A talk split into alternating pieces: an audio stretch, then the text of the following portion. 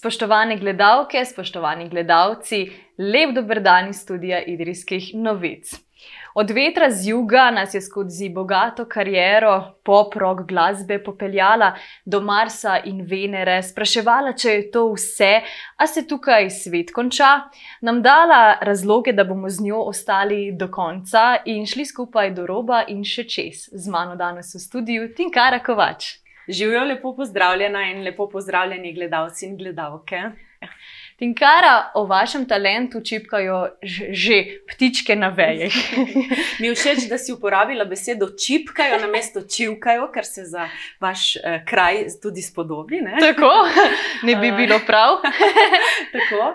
Uh, ja, lepo, hvala za tako uh, lepo napoved. Uh, res je že dolgo, odkar sem na slovenski glasbeni sceni, prav letos 25 let. Uh -huh. uh, in od takrat do danes sem nanizala tudi že več več kot 15 albumov, najrazličnejših glasbenih sodelovanj, odpela in odigrala sem več kot tisoč koncertov uh, v Sloveniji, Hrvaški, Italiji, Avstriji, uh, celo Turčiji sem igrala in tako dalje. Tako da imam lepe spomine.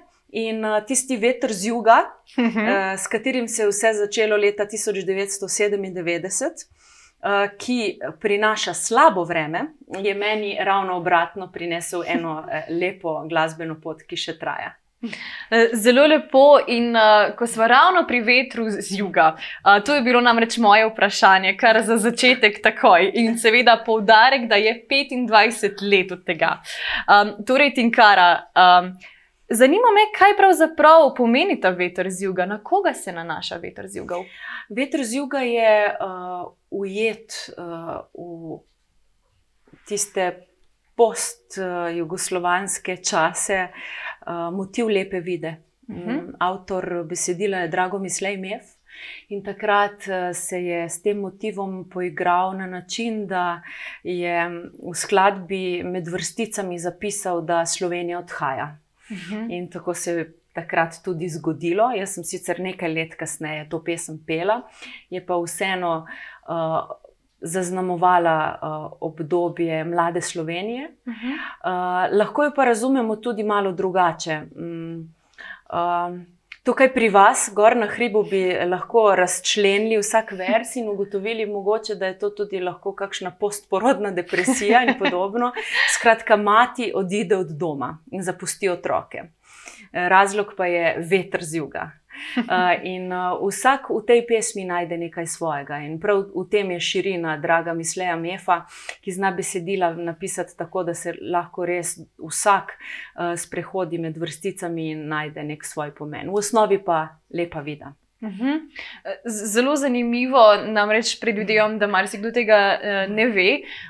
Me pa zanima pri tem še, um, kaj pravzaprav ta pesem potem pomeni uh, za vas, kot za izvajalko. Torej, uh, zdaj si približno predstavljam, kaj pomeni za me in kaj pomeni torej za poslušalca, pa vendar za glasbeno kariero nek krasen začetek vsega. Ja.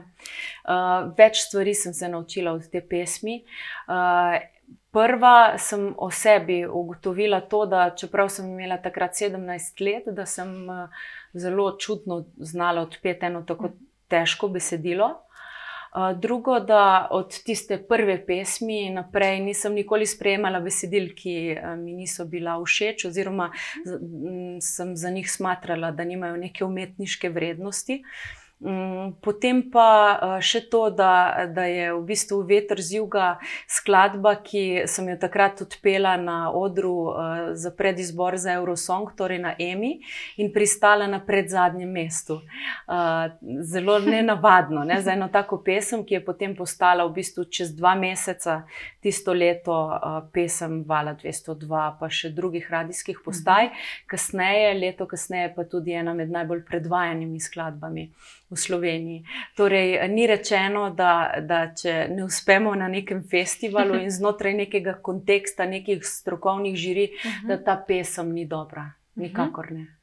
In, in prav to je zanimivo ne, pri tej pesmi. 25 let je na koncu koncev stara in uh, dejansko še danes jo slišimo ja. res veliko krat. Uh, obstaja mnogo priredb, uh, vaših, kot tudi drugih izvajalcev. Ja. Uh, in zato res, če bi imela klubub, bi ga dala dol. Oh, um, ampak, ko smo ravno omenili, torej EMA, uh, 97. leta, torej prvikrat na EMI, uh, na EMO pa ste potem stopila še nekajkrat.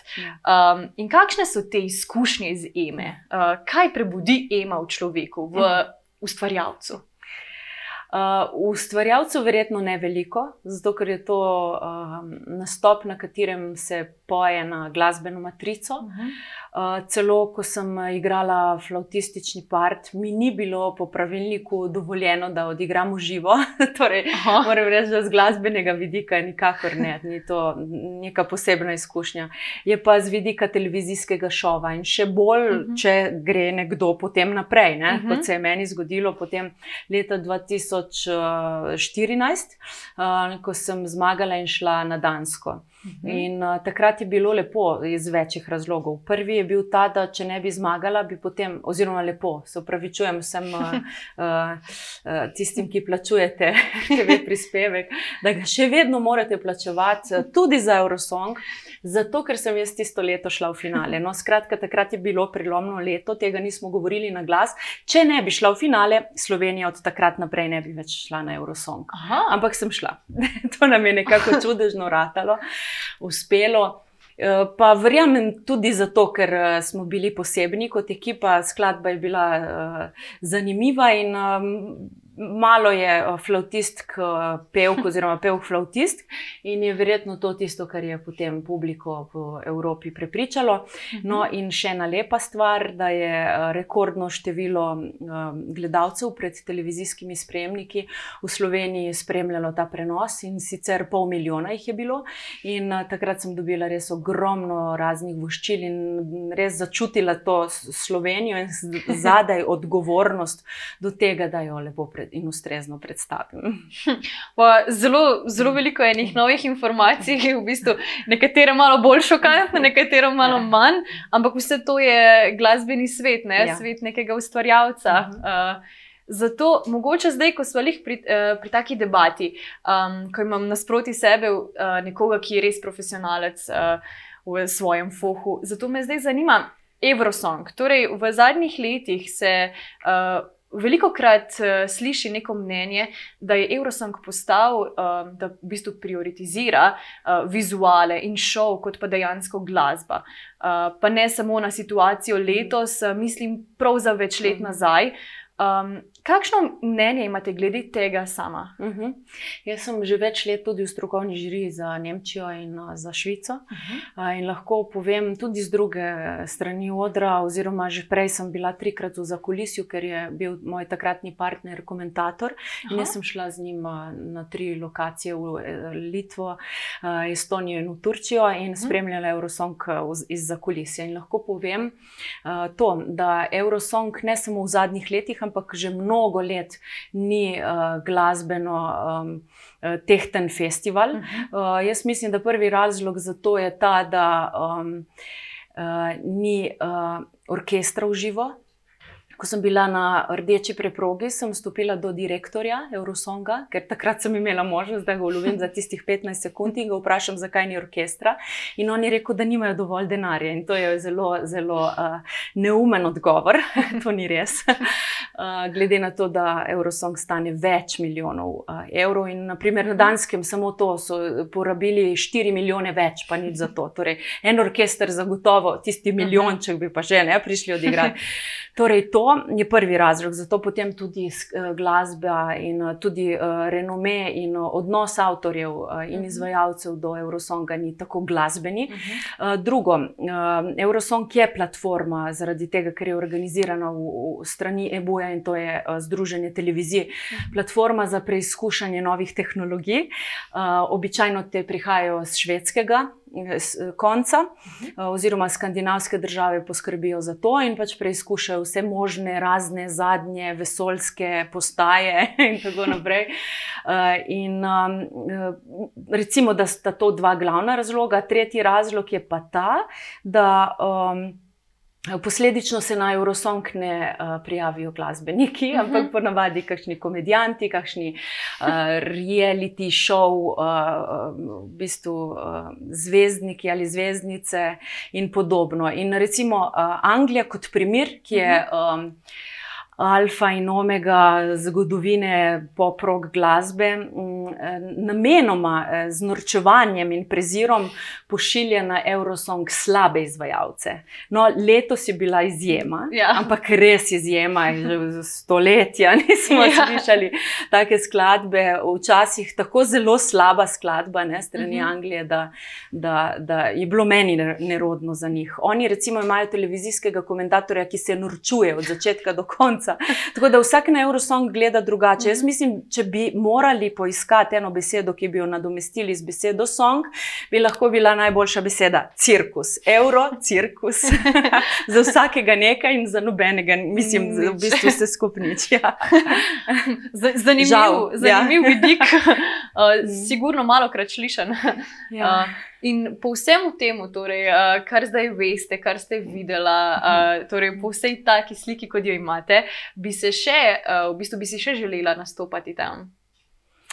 Nimam neke posebne želje. Um, mogoče, če bi imela zadaj planirano turnejo po Evropi in uh, diskografsko mm -hmm. pogodbo, in tako dalje, bi se mogoče še odločila, pa dvomim, da se bo to zgodilo, mm -hmm. ker nimam teh ambicij. Um, Verjetno bi mi bilo bolj zabavno iti na Sanremo. Tako je, ja, Sanremo. In kar pri tem ja. se bomo malo ustavili, Sanremo. Uh mhm. -huh. V Sloveniji imamo eno tako podobno različico tega Sanrema. Ja. In uh, ste že kar stara znanka tega festivala. Ne? In tudi letos, letos je bilo, pa kaj bom pa kar prepustila besedo. Ja, jaz sem eh, na Melodijah Morja in Sonca, tem našem primorskem poletnem festivalu, nastopila štirikrat in vsakič sem zmagala. Prvič sem prijela nagrado za eh, debitanta, drugič sem prijela nagrado za mm, najboljšo interpretacijo in glavno nagrado. Eh, tretjič uh, glavno nagrado, nagrado za besedilo in nagrado za glasbo, in četrtič glavno nagrado in za uh, skladbo v celoti. Tako da imam doma na policiji osem kipcev. Uh, moja hči mi je, potem ko sem prišla domov z letošnjega MMS, rekla, da me verjetno ne bodo več spustili v auditorij Portoroš, ker vsakič, ko pridem, uh, zmagam in me že tako malo po strani gledajo. Ja, sem imela napisane vse te dosežke, vse te nagrade in jih je bilo kar težko napisati, ker jih je toliko. Obstaja sploh še kakšna uh, ta nagrada v, bistvu, uh, v sklopu tega festivala, uh, ki bi jo lahko dosegla? V bistvu ne. Ne, ne. ste pobrali vse. ja. Ja. Čestitke. to, pa, to pa veliko pomeni. uh, in nagrada za življensko delo, če bo kdaj. Aha. Ampak te si pa še ne želim. ja, dajmo še malo počakati. Ja. Ja. Bomo to vprašali v naslednjem intervjuju. Čez 15 let. Ali pa še kakšnega več. uh, ampak mogoče zdaj uh, malo za šalo, pa malo za res. Auditori Portoroš, torej to so vaša domača tla, si upam reči. Tudi tudi ta klima vam verjetno bolj ustreza. Um, in pa tudi na koncu koncev ljudje ne, so uh, bolj vaši, bi se izrazili. Ja, v bistvu, predvsem so ljudje. Ne. Na uh mhm. -huh. slovenskih uh, festivalih jih več ni. Ne. Mhm. Včasih smo imeli uh, slovensko popevko na gradu mhm. Ljubljanskem, pa tudi uh, pred izbori EME so imeli publiko, zdaj je pa nekako vedno manj. Uh, in se poje kameram kar ni fajn, tudi za vzdušje. Vseeno je glasba, energija, univerzalen jezik, ki se splete tudi z počutjem uh mhm. -huh. tistih, ki so v, skupaj v prostoru. Ne? In uh, v auditoriju je to. Tam je več tisoč glava množica in uh, to je poseben občutek. Ja. In zagotovo. In v smislu v bistvu nastop. Ne? Ja, v smislu nastop, uh -huh. in predvidevam, da eh, tudi ja. Uh, točko, no, kot tako, mm. tudi pesem izpade in nastopajoč kot tak, je čisto drugačen. Verjetno, ja, ja. Pa še najboljša, oziroma dobra prijateljica na drugi strani tako, mikrofona, ja. Ja. Anika. Uh, torej, letošnji produkt, ki ste ga dostavili trgu, je fantastičen in zelo poslušen. In verjetno je na koncu koncev tudi to recept za uh, take uspehe, kar se tiče.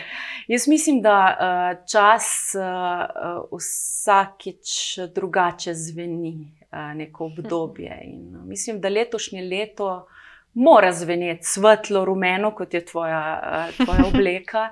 Uh, mislim, da to rabimo. Uh, zato, ker je za nami veliko črnega ne?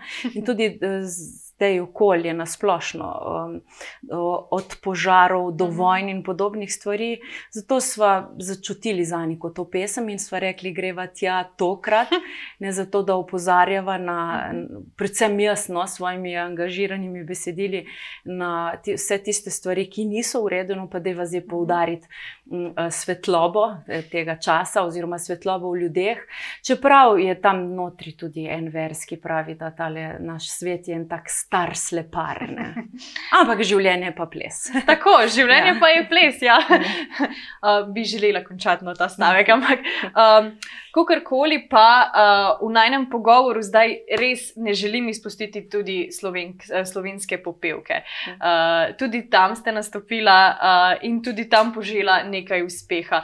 Um, kakšna izkušnja je bila slovenska popevka, um, mogoče kaj drugačna in kako drugačna uh -huh. kot mhm. pa festival Morja? No, slovenska popevka in orkester, to je neprecenljivo. Leta 1999 sem tam krat zasedla tretje mesto, to je bil moj prvi album, mislim, da tretja pesem in to je res zelo lep uspeh. Uh še posebej, če vemo, da je zmagala prav tisto leto zim zelena, šifrerjeva za prijatelje. Um, Tako da to je, to je res neprecenljivo.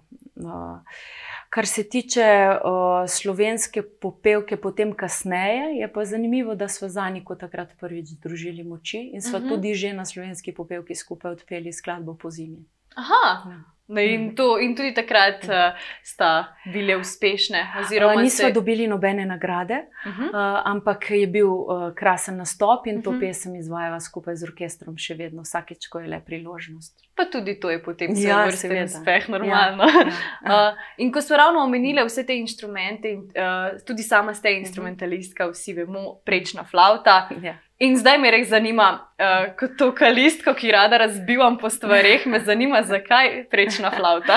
prečna flauta, zato ker uh, takrat, ko sem imela šest let in sem se morala odločiti za to, sem uh, imela dva razloga. Prvi je bil ta, da sem ugotovila, da če bi igrala harfo, kontrabas ali klavir, uh, teh inštrumentov ne bi mogla vzeti s sabo na šolski izlet. Flauto pa lahko daš v žep in greš. Drugi razlog je pa bila tista čarobna uh, rok pravzaprav rock etnoflauta Jana mhm. Andersona, skupine uh -huh. Jet Rotal. Uh mhm. -huh. In v 60-ih letih je bilo veliko, uh, veliko flaute v, v popularni glasbi, v, vsak drug bend jo je imel.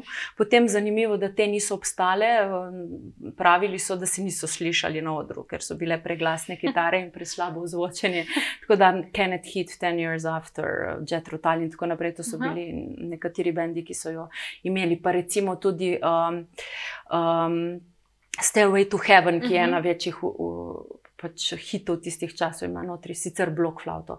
No, in skratka, to je bil razlog. In um, kasneje sem potem tudi ena Andersona srečala in smo Aha. skupaj odigrala 11 koncertov. Uh, 11 koncertov! Ja. Uh, ja. No, to, to pa je ena taka.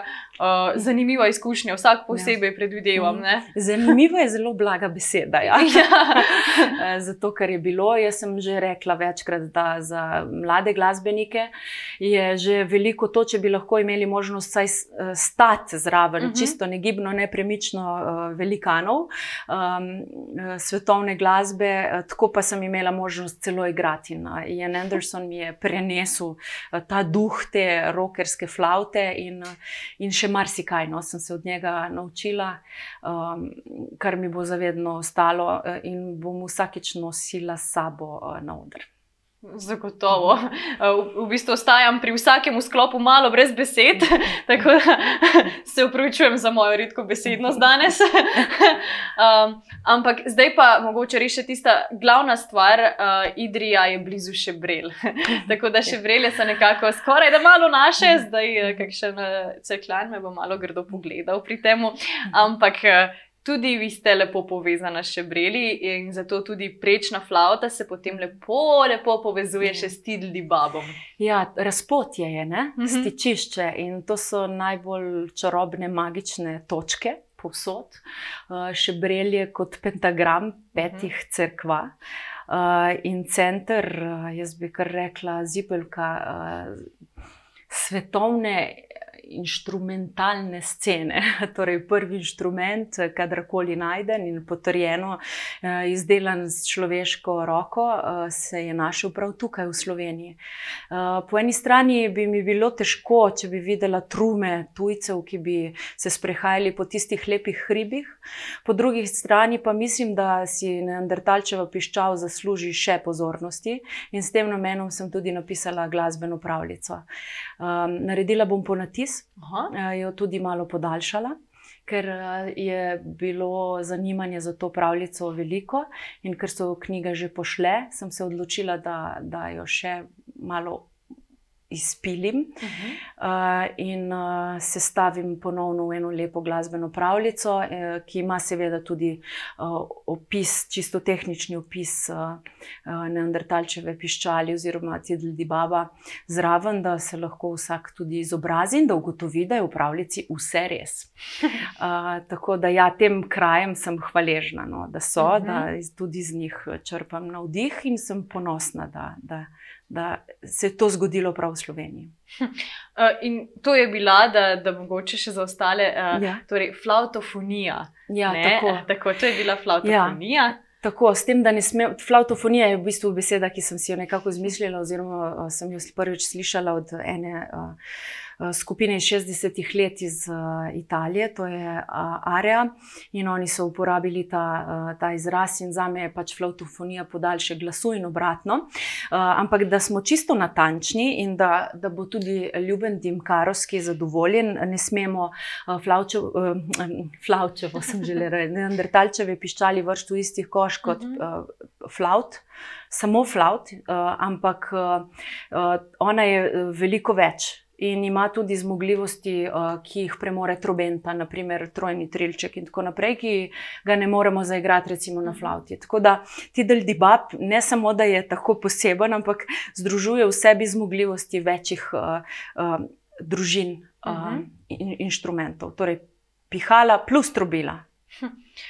In uh, ta inštrument tudi sama igrate?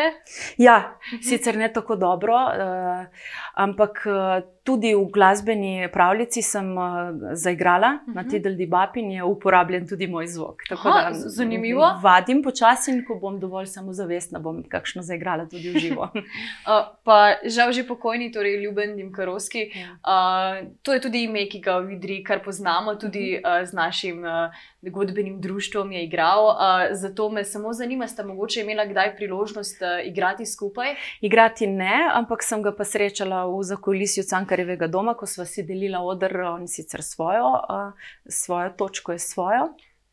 Imam pa lep odnos, uh, prijateljski odnos z Katinko Uh -huh. in tudi z Borisom, njegovim sinom. In ne boste verjeli, ampak jaz sem Borisa in Katinko prvič peljala tja, kjer so to piščal našli, ker žal on ni imel možnosti oziroma priložnosti, da bi to storil. In ko smo bili tam gor na vrhu Šebrelske planote, zadaj za crkvico, uh, moram povedati, da nam je vsem trem so nam tekle solze, no, da lep spomin na njega. ja. Z, uh, pa igra tudi Boris, morda? Uh, on je trubentač sicer, uh, Katinka uh, bolj obvlada. Mhm, to ja. piščal, ja. To, to smo pa enkrat že Njemu je slišali. predal. Ja. Super, zelo, zelo lepo. No. A. Mislim, želela sem reči, ne, Borisu je predal uh, ljubezen do trubente, Mhm. uh -huh. Katinki pa do. Ja, ja, ja, pa do do Tidli Baba. Tidli Baba, ja. Uh, zelo težka beseda, pravzaprav. Zdaj, zdaj še le, Ja. ko jo povem, večkrat zaznam, da je zelo ritmična. Ja, Ja. Tidli Bab.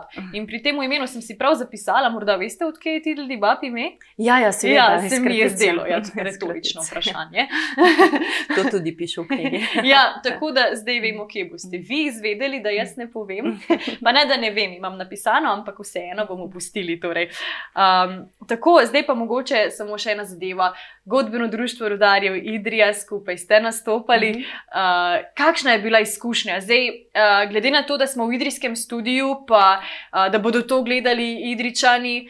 Zdaj, kaj drugega, kot da rečemo, da je bilo fantastično ja. in da best se skoraj ne spodobi, pa vseeno, kako ne, je bilo. Lahko povem, da jaz eh, te aranžmaje še vedno izvajam. Naprimer, prejšnji uh, mesec sem uh, nastopala v Brežicah s njihovim orkestrom in uh, avtor aranžmajev je Domen Prezel, torej v moji malhi aranžmajev za. Um, um, za pihalni orkester so njegovi aranžmaji, ki jih bom izvajala tudi zdaj 3. septembra v Sežani. Naprimer. Kar je zanimivo pri teh aranžmajih, da jih je potem, ko sem prosila, če mi jih predada za nadaljno uporabo, rekel, da jih mora malo sfrizirati. In zakaj to? Zato, ker on je rekel, da ko piše aranžmaje, on točno pozna vsakega mhm. posameznika v orkestru in zato tako dobro ta orkester zveni, ker on točno ve, kateri ton je optimalen za določenega, določenega trobentača, kateri obvlada ritem, kateri mhm. intonacijo in tako naprej. In Domen je tako spretno priredil, personificiral par karte uh, vsem članom in zato potem tako dobro na koncu vse skupaj zazvenelo. Uh, ja, je bilo fantastično, res je bilo super in uh, jaz upam, da še kdaj ponovimo. Uh, Tinkara, samo da se še navežem na divje babe nazaj, ker sem pozabila to prej vprašati. Torej, na naju. Uh, ravno to sem v bistvu želela vprašati. ja. uh, ste tudi sama kaj divje babe? ja, se koncert, ki sem ga imela takrat uh, kot prvega, potem še enega, sem uh, poimenovala divja baba. In to je dobro, to so dobri atributi. Kaj pomeni divja baba? Divja baba je tista, ki živi v sožitju z naravo. Pa vsaka baba posluša naravo. Divja posluša sebe, zna poslušati sebe, uh, otroke, uh, starejše ljudi, ranljive skupine uh -huh. in vse to, in umetnost in kulturo. In vse to bi jaz poimenovala tako uh, z eno besedo. Um, Uh, oziroma, z dvema besedama, da je to mehka moč žensk uh, in to divja baba ima. In jaz mislim, da ta mehka moč uh, je lahko nekaj dobrega za današnji svet. Tako. Mm. In s temi besedami bi mm. mogoče tudi kar zaključili ja. uh, današnji najem pogovor. Bi se res mm. v imenu vseh tukaj zahvalila, da ste danes pristala na ta pogovor najem, uh, da smo vas lahko gostili.